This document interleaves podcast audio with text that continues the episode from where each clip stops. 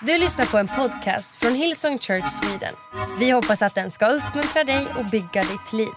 För att få mer information om Hillsong och allt som händer i kyrkan, gå in på hillsong.se. Alright, alright, alright. Well, varsågod och sitt allesammans så ska vi hoppa in i dagens predikan. Jag kan ställa om min klocka, eller jag bryr mig inte om den i alla fall. Jag har inte varit här på ett tag. så. Jag vill säga också att eh, den här eh, bibel och ledarskolan som vi har, eh, den har fullt CSN-bidrag. Så du får fullt studiebidrag när du går den. Jag skulle också vilja säga om du har tänkt att gå den så skulle jag rekommendera att du dyker upp lite oftare än vad Erik gjorde. Um. Men han hade mig som sin närmsta ledare så jag signade glad vid en av sjukintyg. Inga problem, det gick ju bra till slut ändå. Underbart. Well, vi ska hoppa in i dagens undervisning. Uh, härligt att vara tillbaks. Jag har rest jättemycket i sommar. Jag har varit i USA och predikat. Vi har haft konferens i USA. Eller förlåt, i Australien. Vi har haft planeringsdagar i Europa för framtiden i Hillsong. Massa spännande saker. Så jag har hunnit snickra lite också. Bäst av allt. Praise the Lord. Så jag ska hoppa in i predikan idag som kanske är lite mer ett bibelstudie. Men som är en predikan till våran kyrka. Vare sig du är i någon av våra lokaler eller du är online. Kanske är du gäst, kanske är du med online för första gången. Du är varmt välkommen. Jag vill tala om något som jag har funderat mycket på i sommar, som jag har uh, läst om, tänkt på och som jag verkligen tror att Gud vill uh, att vi ska fokusera på i vår kyrka. Uh, kanske en liten programförklaring för hösten, även om det inte är höst än på länge. Jag har rullat ut gräs så det skulle kunna få regna lite. Inte denna vecka när vi har camp, men sen. Okej, okay. så temat dagens predikan är verklig kärlek. Verklig kärlek. Vi ska gå till första Korinthierbrevet kapitel 13. Det är svårt att runda det om man ska predika om kärlek, eller hur? Så låt oss läsa 13 verser.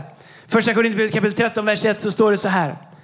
Om jag har fått förmågan att tala andra språk, både människor och änglars, men inte visar kärlek, då liknar jag en gonggong eller en skrällande symbol.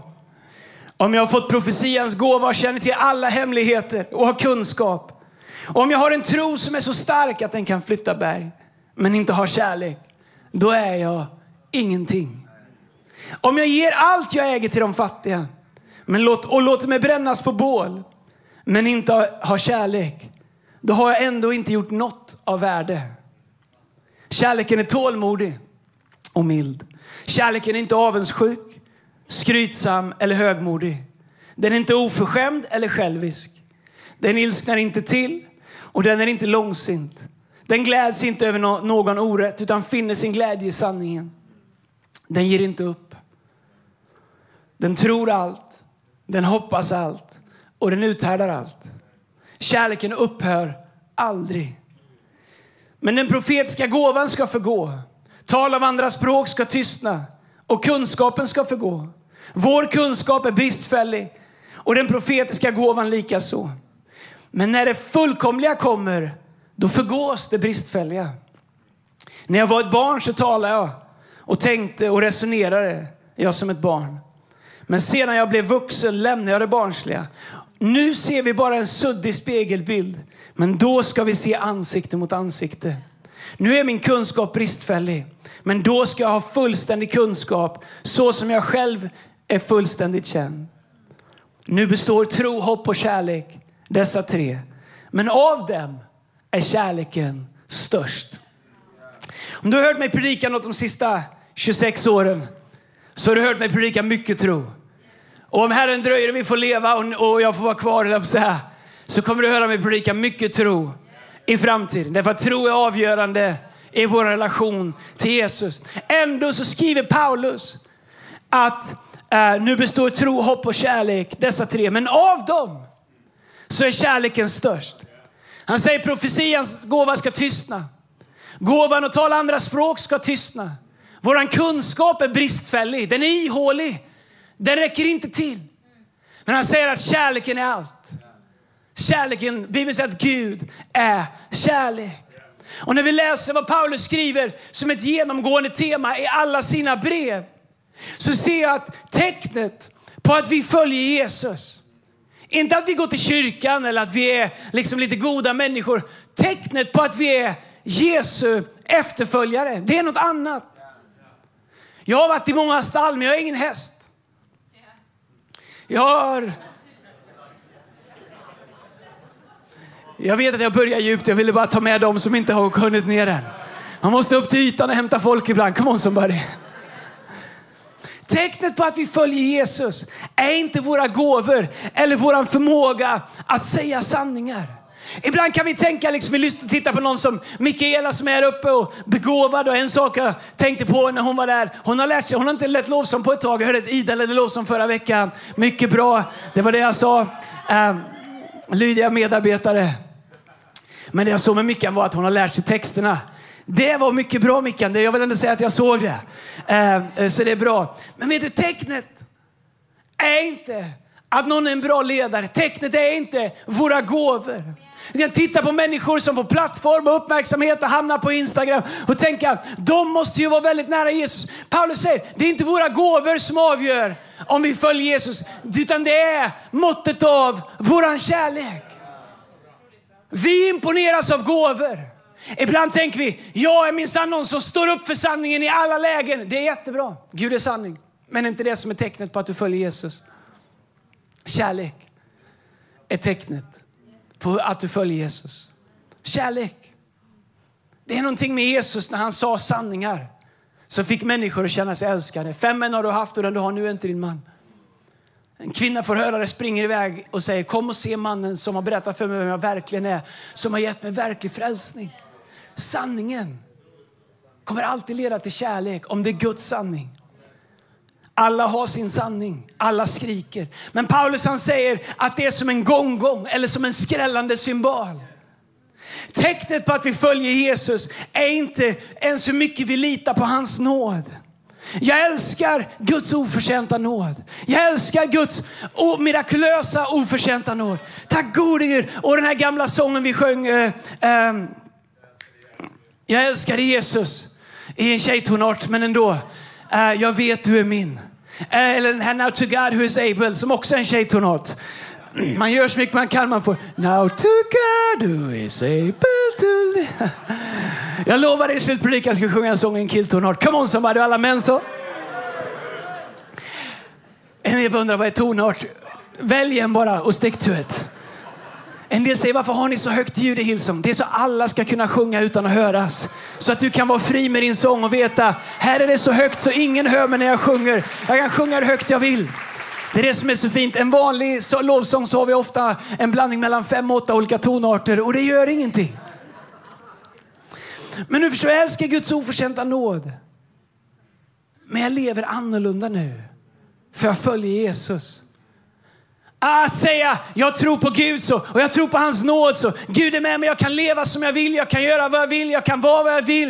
Eh, För att Gud är kärlek, Gud är nåd. Du, du förstår att om, om vi säger det, då har vi inte förstått vem Gud är. Gud är kärlek, men han är också en kärleksfull Gud som är fullkomligt helig. Som beskrivs i Bibeln som en förtärande eld. Så Guds kärlek gör anspråk på mitt liv till att förneka mig själv och följa Jesus. Endast då kan jag ha del av den fullkomliga kärleken. Så Guds kärlek ger mig inte en license to sin. Den ger mig liksom inte licens till att leva mitt liv hur, hur jag vill bara för vi tror på Guds stor. Jag tror på Guds nåd. Jag tror att vi är frälsta av nåd. Jag tror att det är Gud som håller fast i mig. Det är inte jag som håller fast i honom. Men hans kärlek gör anspråk på mitt liv. Det gör anspråk på mitt beteende, det gör anspråk på mina värderingar. Det gör anspråk på hur jag behandlar människor. Det gör anspråk på, på helighet, det gör anspråk på helgelse. Det gör anspråk på ett liv som följer Jesus. Tecknet på att vi har kärlek till Gud och till andra människor, det är att vi följer Jesus. Kristuslikhet. Och vi, har en, eh, eh, vi har en värdering i vår kyrka som är så här, om det inte är Kristus likt så är det inte vår kultur.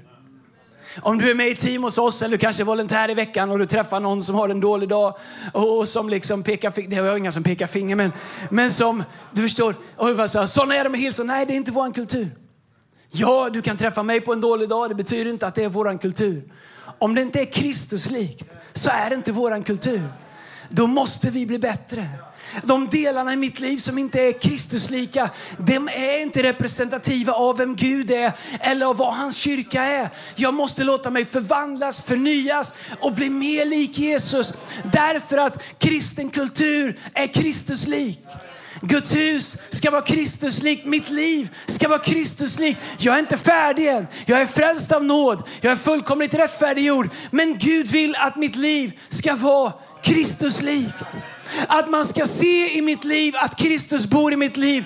Och tecknet för det, säger Paulus, är kärlek. Kärlek. Och Paulus han är ganska hård med det här. När han pratar i Efesbrevet, Romarbrevet, Galaterbrevet och, och egentligen alla sina böcker, första Korintierbrevet. Att vi får inte välja vilka vi älskar. Vi måste älska alla. Och det går inte. Eller det är väldigt svårt. Eller jag kämpar. Och jag har kommit på att det går inte med min kärlek. Det går bara med Guds kärlek. Med Guds kärlek kan vi älska alla människor. Vi behöver inte tycka lika, vi behöver inte se lika. Vi behöver inte vara samma personlighet, vi behöver inte klicka. Vi behöver inte tolka Bibeln på samma sätt, vi behöver inte se världen på samma sätt. Men vi är kallade att älska. Och om du har någon som du har en meningsskiljaktighet mot och du inte visar dem kärlek, då är du inte Kristus lik. Då är jag inte Kristus lik. Då finns inte tecknet i mitt liv på att Jesus är min Herre om jag inte har kärlek till dem som tycker annorlunda. Därför att Guds kärlek gör anspråk på oss att älska även dem som inte är överens med.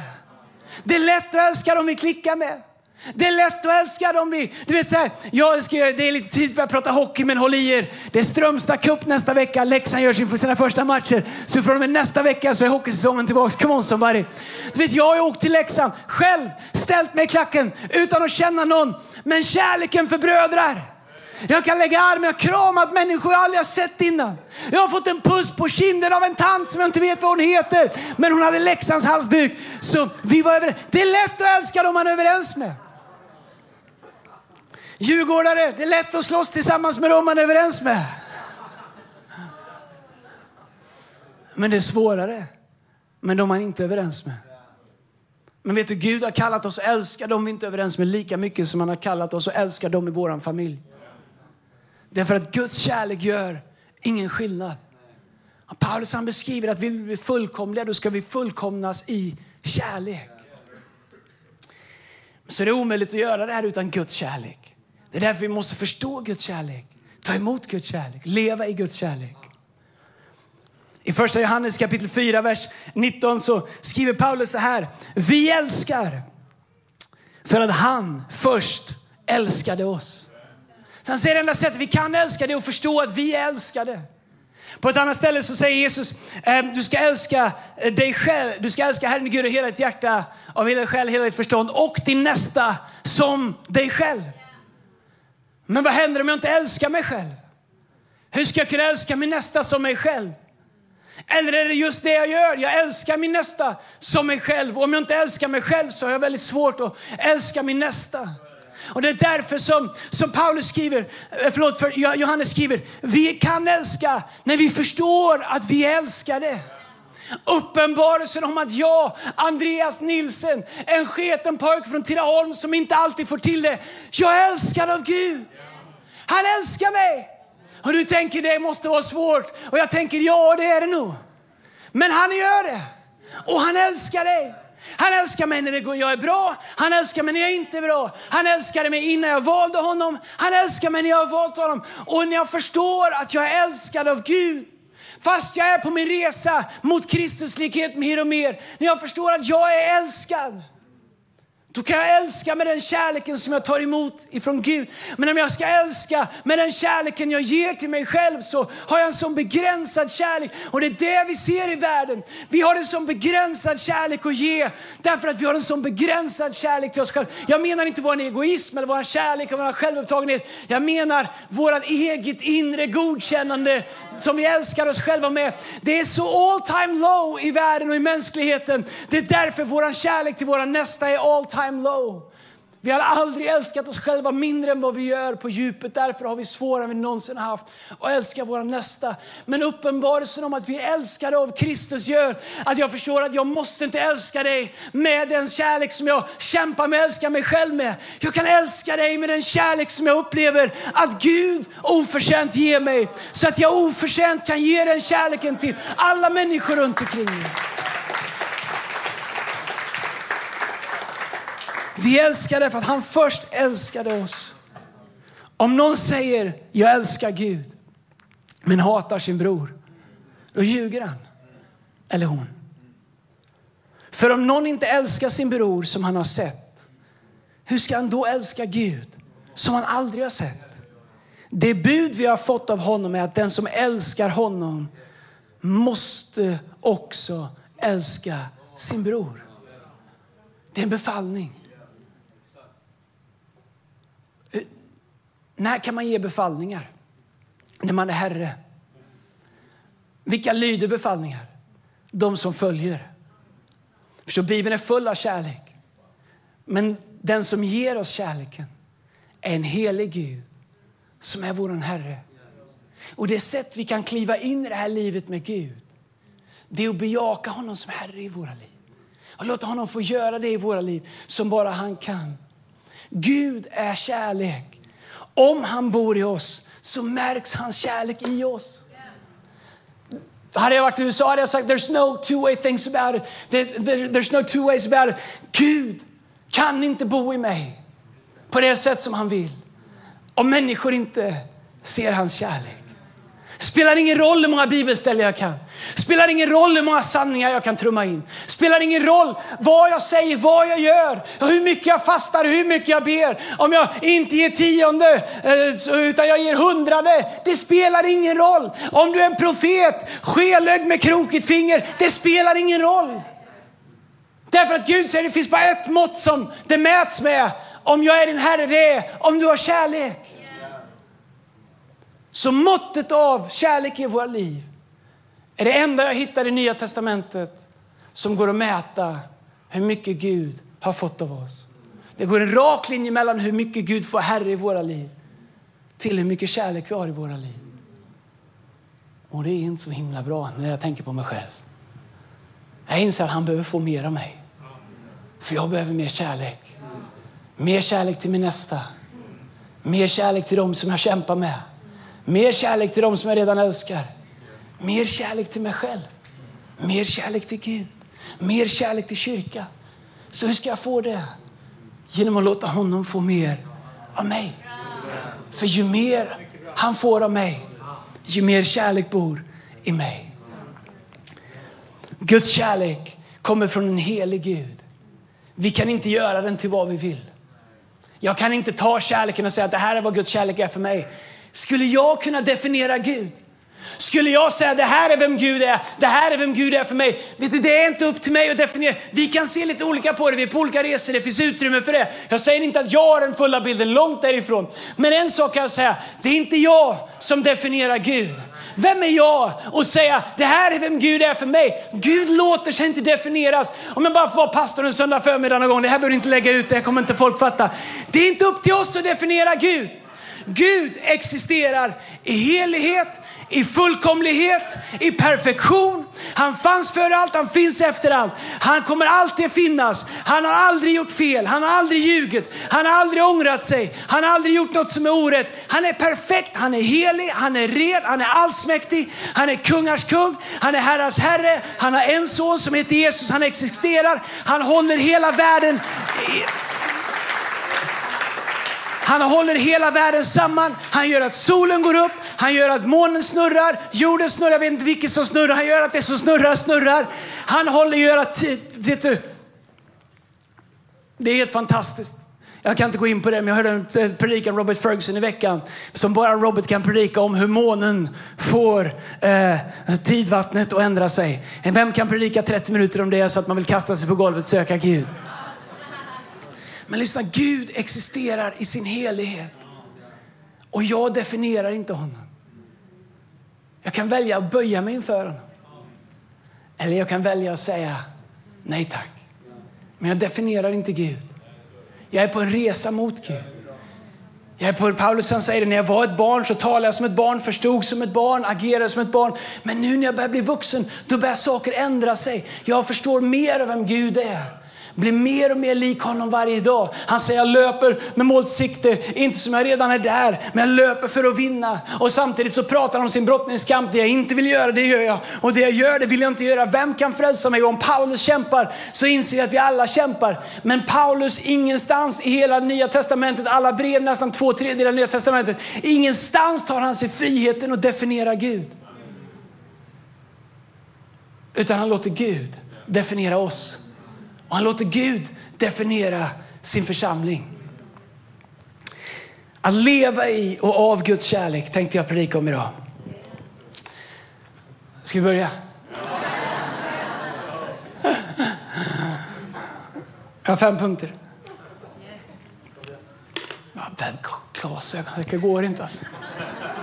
Det känns som, känns som jag är en slags bur att titta på er. Vi var, jag var i USA, så var i Texas, det var hemskt. De hade en affär med bara massa akvarier. Varje akvarium var en massa hundvalpar, starkt ljus. Jag tänkte, jag kände för att åka, köpa ett baseballträ och befria alla hundar. Men det, det, känns lite som de man tittar på er, som man, man är en slags akvarium och tittar på er.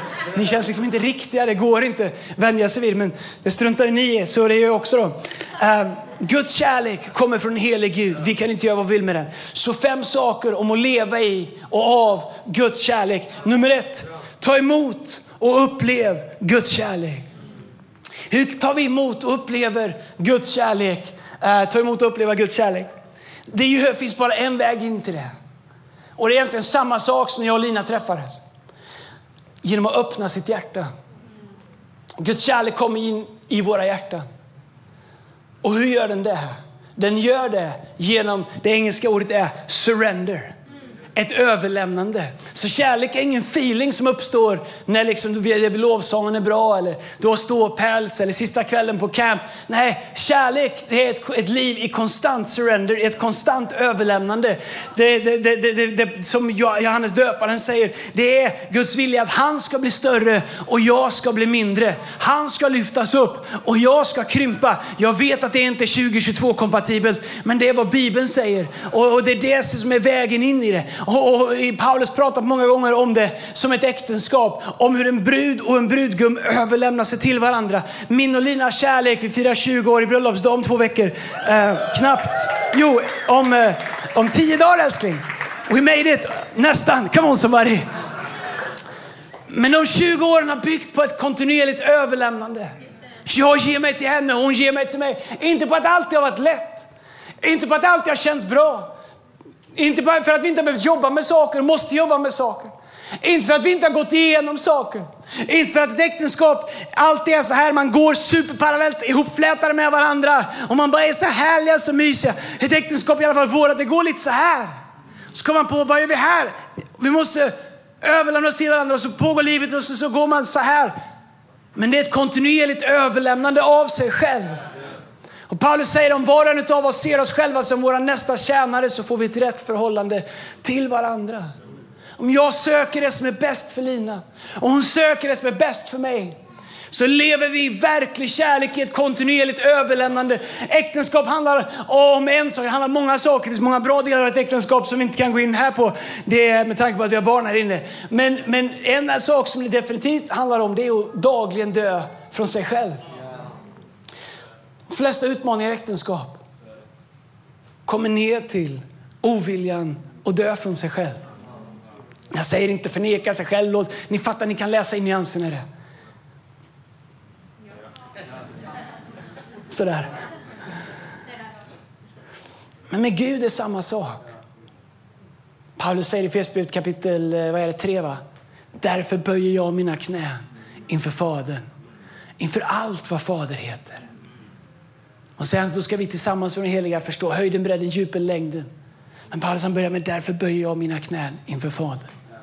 Paulus väg till Guds kärlek är hans böjda knän. Så vi upplever Guds kärlek i våra hjärtan, när vi böjer våra hjärtan, när vi överlämnar våra hjärtan till Gud, när vi gör honom till Herre i våra liv. Nummer två, om att leva i och av Guds kärlek. Att bli rotad i Guds kärlek. I Efesierbrevet kapitel 3, vers eh, 16 så står det så här. Paulus skriver, jag ber att han som är så rik på härlighet ska ge er kraft och inre styrka genom sin ande. Så att Kristus genom tron ska bo i era hjärtan och att ni ska hålla er fast rotade i kärleken. Jag har tänkt på det här för att vi har på att göra om vårt hus. Vi har haft massa problem med det och försäkringsärende. Och, och för, någon vecka sedan så skulle vi göra dags att rulla ut gräs och det kom sex pallar gräs. Och jag hade några bra grabbar från Youth och Moddy. Moddy sorry. Youth och Moddy. som var där och hjälpte mig att bära och vi fick ut gräset. Och, och jag har aldrig rullat gräs innan. Eh, och det var liksom rullar, lite jord och så var det gräs. Och det var väldigt viktigt att få ut dem samma dag och sen börja vattna. Därför att den jord som, som gräset kom på i de här utskurna bitarna, den räckte bara den dagen. Sen dög gräs. Så fast det kommer gräs på rulle med jord så är det avgörande att gräset hamnar i, i, i, matjorden som är förberedd och att man börjar vattna. Och sen måste man vattna. Jag har bra hjälp av farsan här. Vi har varit borta några dagar. Han har haft ett hårt bevattningsschema. Det har växlat mellan han och Fanny. Det ska växlas. Jag har byggt ett system som man gör med fem olika vattenspridare och kranar, schema, Excel-ark hur det ska gå till. De har fått full frihet att följa mitt schema. Och, äh, grejen är när jag kom hem efter fyra, fem dagar och lyfte försiktigt på en gräsmatta så ser jag att rötterna börjar komma igenom. Och idén är att det här gräset jag rullar ut, det överlever om rötterna får chansen att växa från det som jag rullar ut ner i matjorden som den rullas på. Annars kommer det som från början var gräs bara dö ut. Det är avgörande att jag vattnar. Det är avgörande att jag lägger det på bra mark. Därför att gräs, gräs som jag rullar ut ska växa ner och bli rotat i jorden som den läggs på. Annars överlever det inte. Problemet med oss är att vi så ofta vi lever våra liv som gräsrullar. Ja, oh, jag är död. Kan du rulla ut mig igen? Ja, oh, klarar dig till nästa söndag då tror du? Kanske. Jag går på en connect på onsdag för säkerhets skull.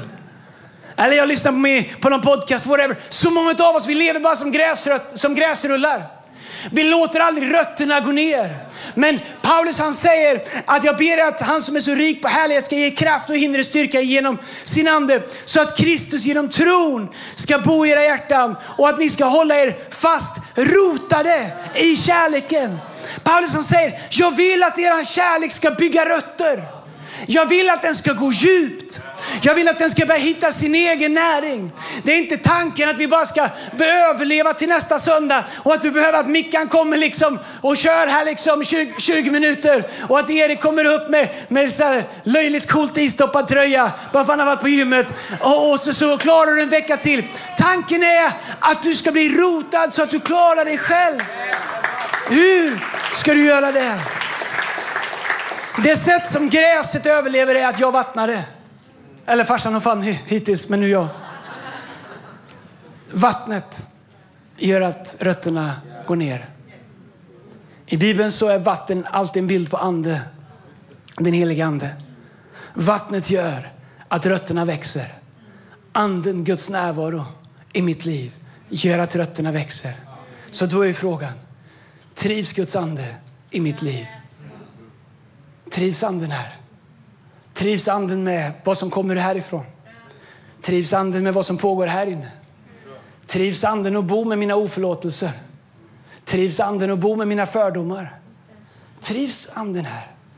För om anden inte trivs så finns inget vatten. Om det inte finns några vatten så blir det inga rötter. Och då kommer jag aldrig bli rotad i Kristi kärlek. jag säger inte det som en gammal fördömelsepredikan du ska känna åh jag är kast. Nej, lyssna. Anden jobbar på oss. Du behöver inte vara färdig. Men vi kan faktiskt påverka om anden trivs. Om anden vill vara här. I vår kyrka trivs anden här. Känner sig en helig ande fri i vår kyrka? Är det här hans hus? Får han göra den Jag bad Jag lyssnade på en gammal sång, mässare Mattias Martinsson. Jag lyssnade på en gammal sång från 90-talet som jag, eh, som jag älskar. Eh, som heter När jag skådar din ljuvlighet. Det var lite av min paradlåt back in the day. När jag fick leda lovsång. Den kan de inte. Den gick i killtonor förresten. Um, och jag sjöng den i bilen på vägen hit och jag lipade lite. Det gör jag inte ofta. Jag vet inte varför jag gjorde det. Och det är inte ens allergi längre att skylla på. Men, men jag bad på vägen jag sa helige gör vad du vill i det här mötet. Det här är ditt möte. Alla våra rum. Och jag bad för Summer Camp och jag sa, alla våra tält, alla våra byggnader, alla våra möten. Det är dina rum helige Jag vill att det ska vara vad du vill att det ska vara. Gör vad du gör. Och jag bad helige visa mig vad du gör. Så att jag kan komma och följa det som du redan gör. Just nu här i norra, just nu i Göteborg, i Jönköping, i Örebro, i södra och city. Så gör den helige Ande saker. Och jag vill veta vad anden gör. Jag vill bygga och leva i det här huset så att anden trivs här. Jesus sa utan mig kan ni ingenting göra. Allt det här är bara grejer. Men när anden är här, när Kristus är här, då kan vi bli uppfyllda av kärleken och få uppleva hur anden fyller oss så att vi blir rotade i kärleken. Rotade i Kristus. När vi kan börja dra, eh, vi pratar om dricka djupt av anden. Våra rötter kan börja dra av anden. En del av oss, vi har ingen kraft för vi har inga rötter. En del av oss, vi, vi, vi känner inte att vi får nytt liv av anden för vi har inga rötter. Och även någonstans där vi inte gillar någonting, då rullar vi upp vår lilla gräsmatta och tar med oss den och går och rullar ut någon annanstans. Jag ska prova här istället. Aha, här fick jag heller inte predika första veckan. Jag tar min, min eh, gräsmatta och går någon annan. En del av oss, ni har bara hållit på att flytta runt våra gräsmattor och säger varför händer inget i mitt liv? Ingenting händer därför att du låter aldrig bli rötter.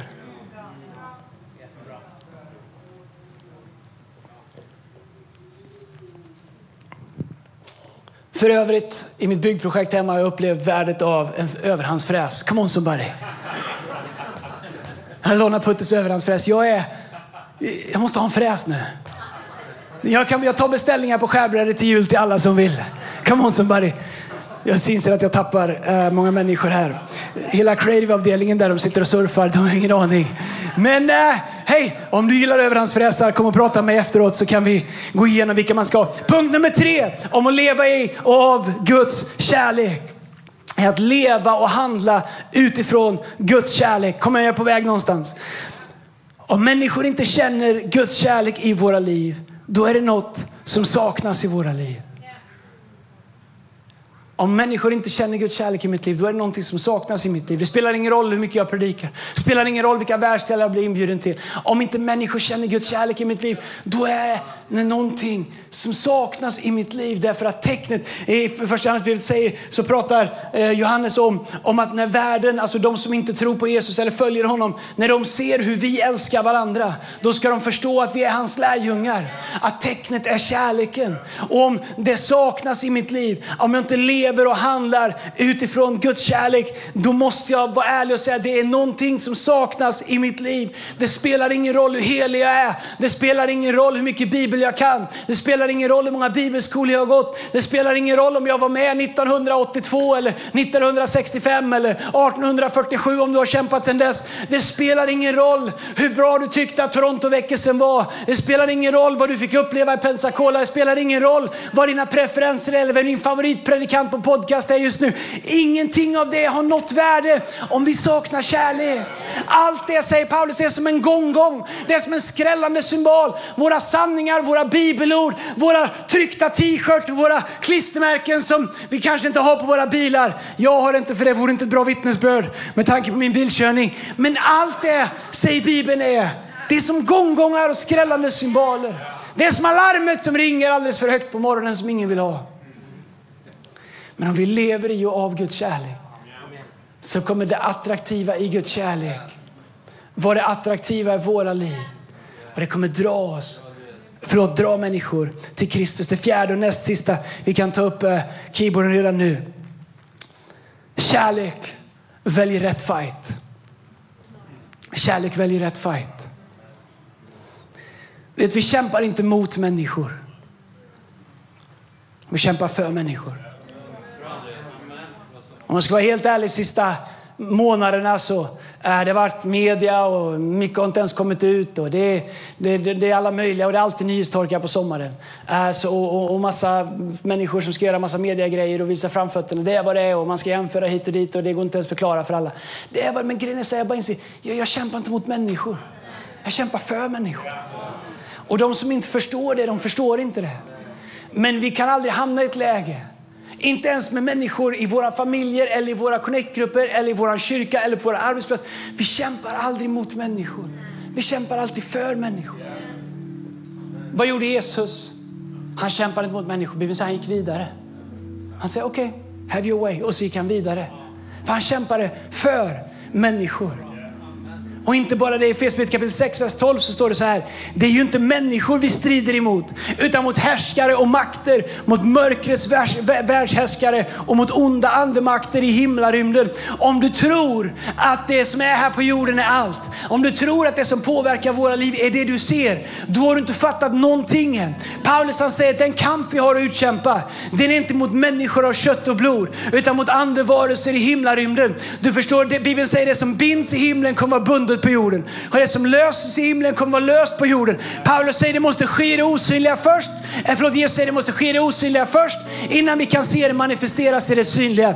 Lyssna, vi som kyrka, du kommer aldrig se mig hålla på och vara emot massa människor, vara emot saker. Jag är för människor, jag är för evangelium. Den kamp jag har, den är mot onda andemakter. Den är mot andemakter som vill, som vill förstöra för Guds rike, som vill förstöra en ung generation. Om jag vill kämpa för en ung generation så kommer jag inte göra det genom att gå till dem och säga du har så fel, du fattar ingenting. Vänta bara tills du blir vuxen. Nej, jag fightas för dem genom att kriga mot andemakterna som vill förstöra deras liv. Och jag fightas för dem genom att skapa en plats där de kan möta sanningens ande, där de kan möta Guds ande, där de kan möta verkligheten. Du förstår, min fight, den är här. Vi bygger det här. Jag bygger inte bara här för er, jag bygger det här för era barnbarn. Det jag tittar efter när vi bygger kyrka, det är, kommer våra barnbarn att tro på Gud? Gud? Kommer våra barnbarn att följa Jesus? Kommer våra barnbarn att plocka upp den här manteln? Kommer våra barnbarn fullfölja den här visionen? Inte bara vi. Och om det ska bli så, då måste vi fatta att vi kan inte hålla på och fightas med världen. Vi kan inte, definitivt inte hålla på och fightas med varandra. Jag avskyr när kristna fightas. Därför att när kristna fightas, då sitter djävulen och käkar popcorn och säger ha my work is done. Eftersom Paulus säger att våran fight är inte mot människor utan mot andevarelser i himlarymden. Om du fightas mot människor, ta din fight till rätt ställe. Bind dig i himlen istället. Ta auktoritet. När vi bad för Summer Camp innan så bad jag och vi tog auktoritet och sa att camp ska vara ett befriat område. Varför? Därför att vi har den makten. Därför att vi har den kraften i namnet Jesus.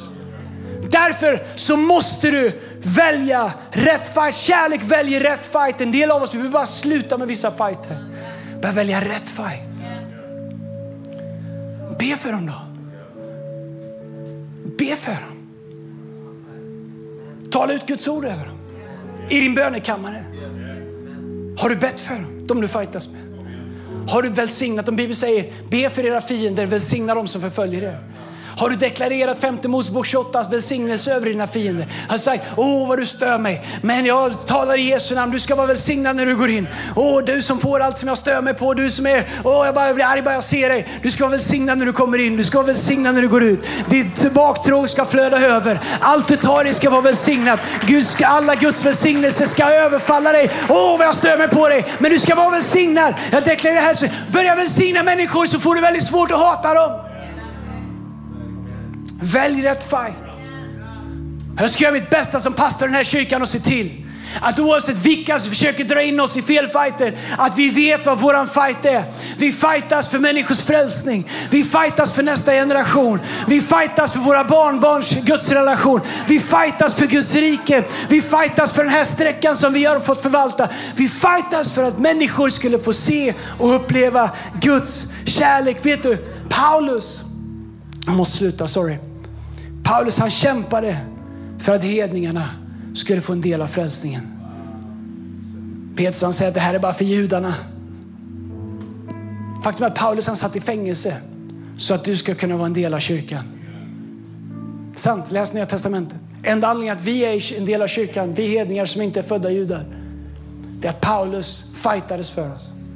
Det är att Paulus satt i fängelse för våran skull. Att han piskades för våran skull. Han tyckte att den fighten var rätt fight att ta. Att alla människor skulle få se hans frälsning. Och det visade sig att han hade rätt. Och när jag inser att jag är här idag, frälst, en del av Guds församling, för att Paulus fightades för mig. Men känner jag att jag vill att mitt liv ska vara upptaget med rätt fight. Att min fight ska vara rätt fight för de andra. för nästa generation, för de som kommer. Det femte och det sista vi ska runda av här, den kärleken skapar inga sidor. Kärleken skapar inga sidor. Kärleken, kärleken bygger inga skyttegravar. Lyssna noga på det här innan vi ber. Josua kapitel 5, vers 13 till 15 står det så här. Josua leder armén och han är ute i krig och han möter Gud. När Josua var vid Jeriko fick han se en man med draget svärd framför sig.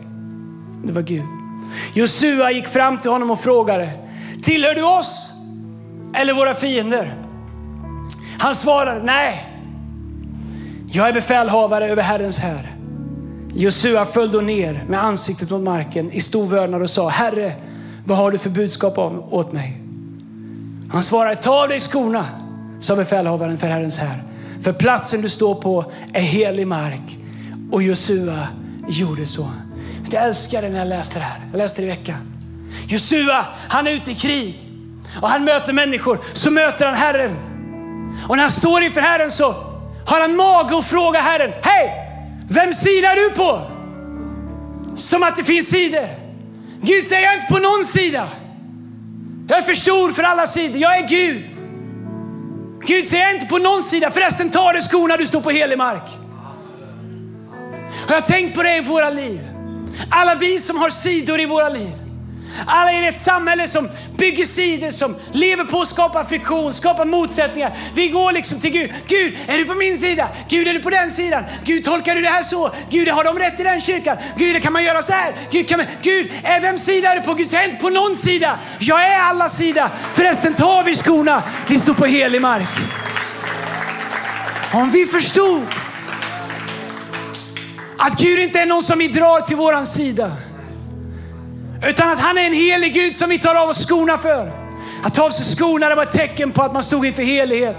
Att vi är några, när vi kommer till Gud så kommer vi till Gud och säger det och det och det. Utan Bibeln säger när vi kommer till Gud, han sa till Moses, ta Josef, ta av dig skorna.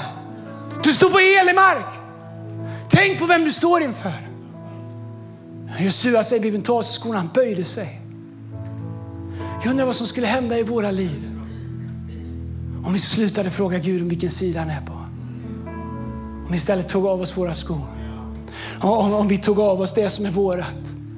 Våra vägar, våran vilja, våra ambitioner. Om vi sa Gud, du är helig.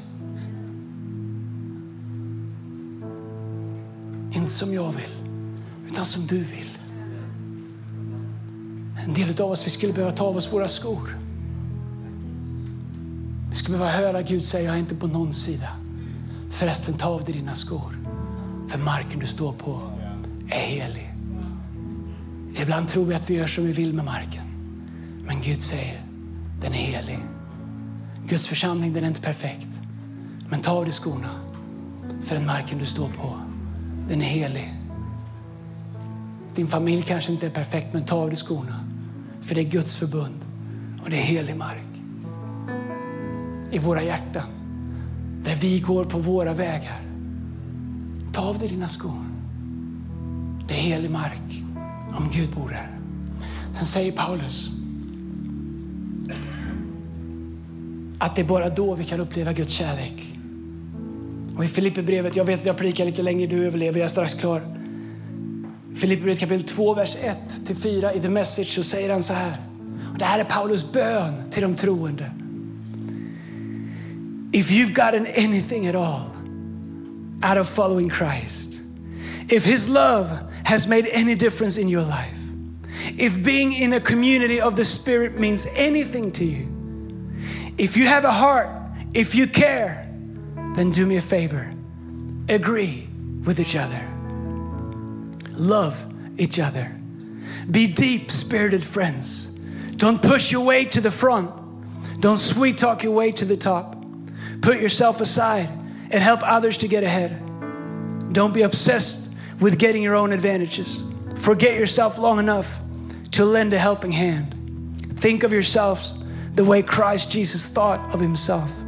He had equal status with God, but didn't think so much of himself that he had to cling to the advantages of the status no matter what. Not at all.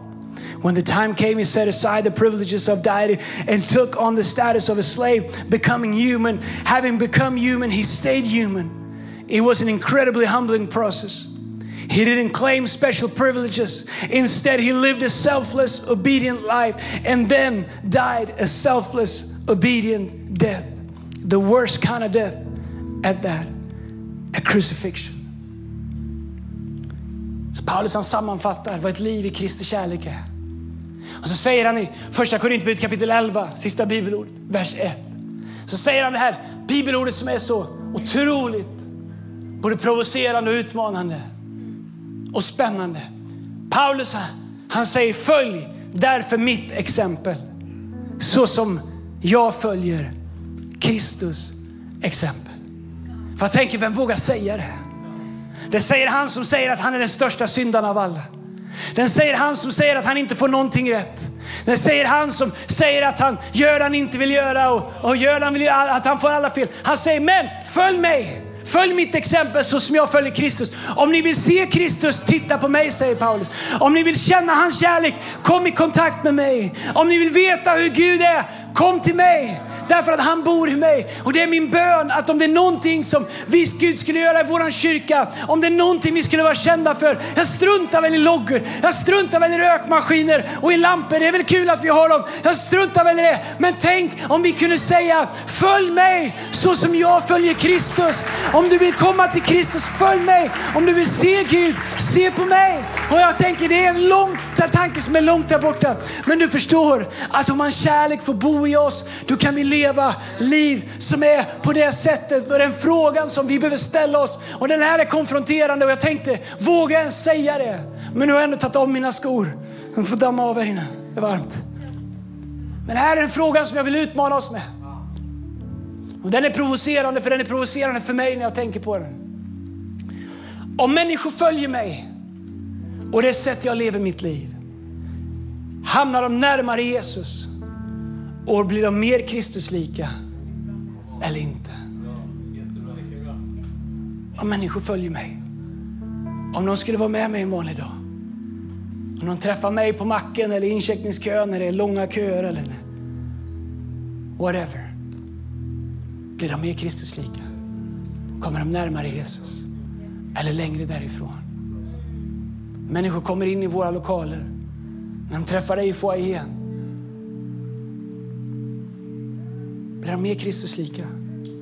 Upplever de hans kärlek? Eller hamnar de längre därifrån? Det här är vårt uppdrag. Det här är vad Gud har kallat oss till. Att älska människor så som Gud älskar dem. Att leva i och av Guds kärlek. Och jag vet att klockan är mycket. Jag ska be lovsångsteamet komma upp.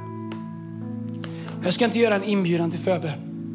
Men jag känner ändå att Guds ande vill att vi ska ge människor chansen till en respons. När jag läst Josua om och om igen, när Gud säger ta av dig skorna. Du är på helig mark. Sluta upp med dina frågor om sidor eller vad du representerar. I mitt hjärta är det helig mark. Är det helig mark här inne? Är det fortfarande helig mark?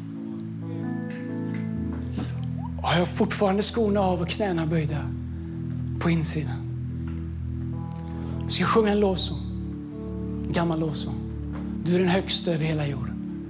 Inte av nostalgiska skäl, utan för att det är en bra bekännelse. Och när vi gör det, du kan stå upp om du vill.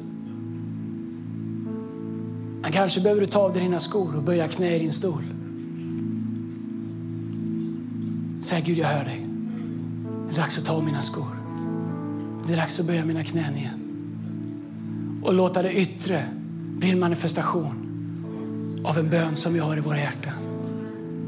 Och att ta våra skor och böja våra knän. Nej, det här är ingen plojgrej. Bibeln säger att det vi gör är praktiska har en andlig betydelse. Medan vi lovsjunger, jag ska be en bön, så kommer vi börja lovsjunga. Du känner att det är du. Du är välkommen att ta av dina skor och böja dina knän i din stol. Du är välkommen att stå upp och lovsjunga. Du är välkommen att göra vad du vill. Men Fader, jag tackar dig för att du är här genom din Ande. Jag tackar dig helige Ande att du är närvarande. Helige Ande, vi bejakar att vi är på helig mark här. Idag inför dig. Ja, Gud, vi ber om förlåtelse att vi försöker fånga dig och ta dig till våra sidor. Göra dig till en fånge i våra agender. Få dig att följa det sätt som vi lever våra liv. Men Gud, vi hör ditt ord. Och Gud, vi hör din kallelse. Och vi är på helig mark. Både i våra lokaler men också i våra hjärtan. Därför idag Herre, så böjer vi våra knän. Så tar vi av oss våra skor. Och vi säger låt din vilja ske. Så som i himmelen, så också i våra liv. Så också i våra hjärtan. Så också i våra familjer. Så också i våran kyrka. Ha din väg heligande. Kom heligande. Thank you Lord. Du har lyssnat till en podcast från Hillsong Church Sweden. Om du vill veta mer om vår kyrka eller om våra söndagsmöten surfa in på hillsong.se.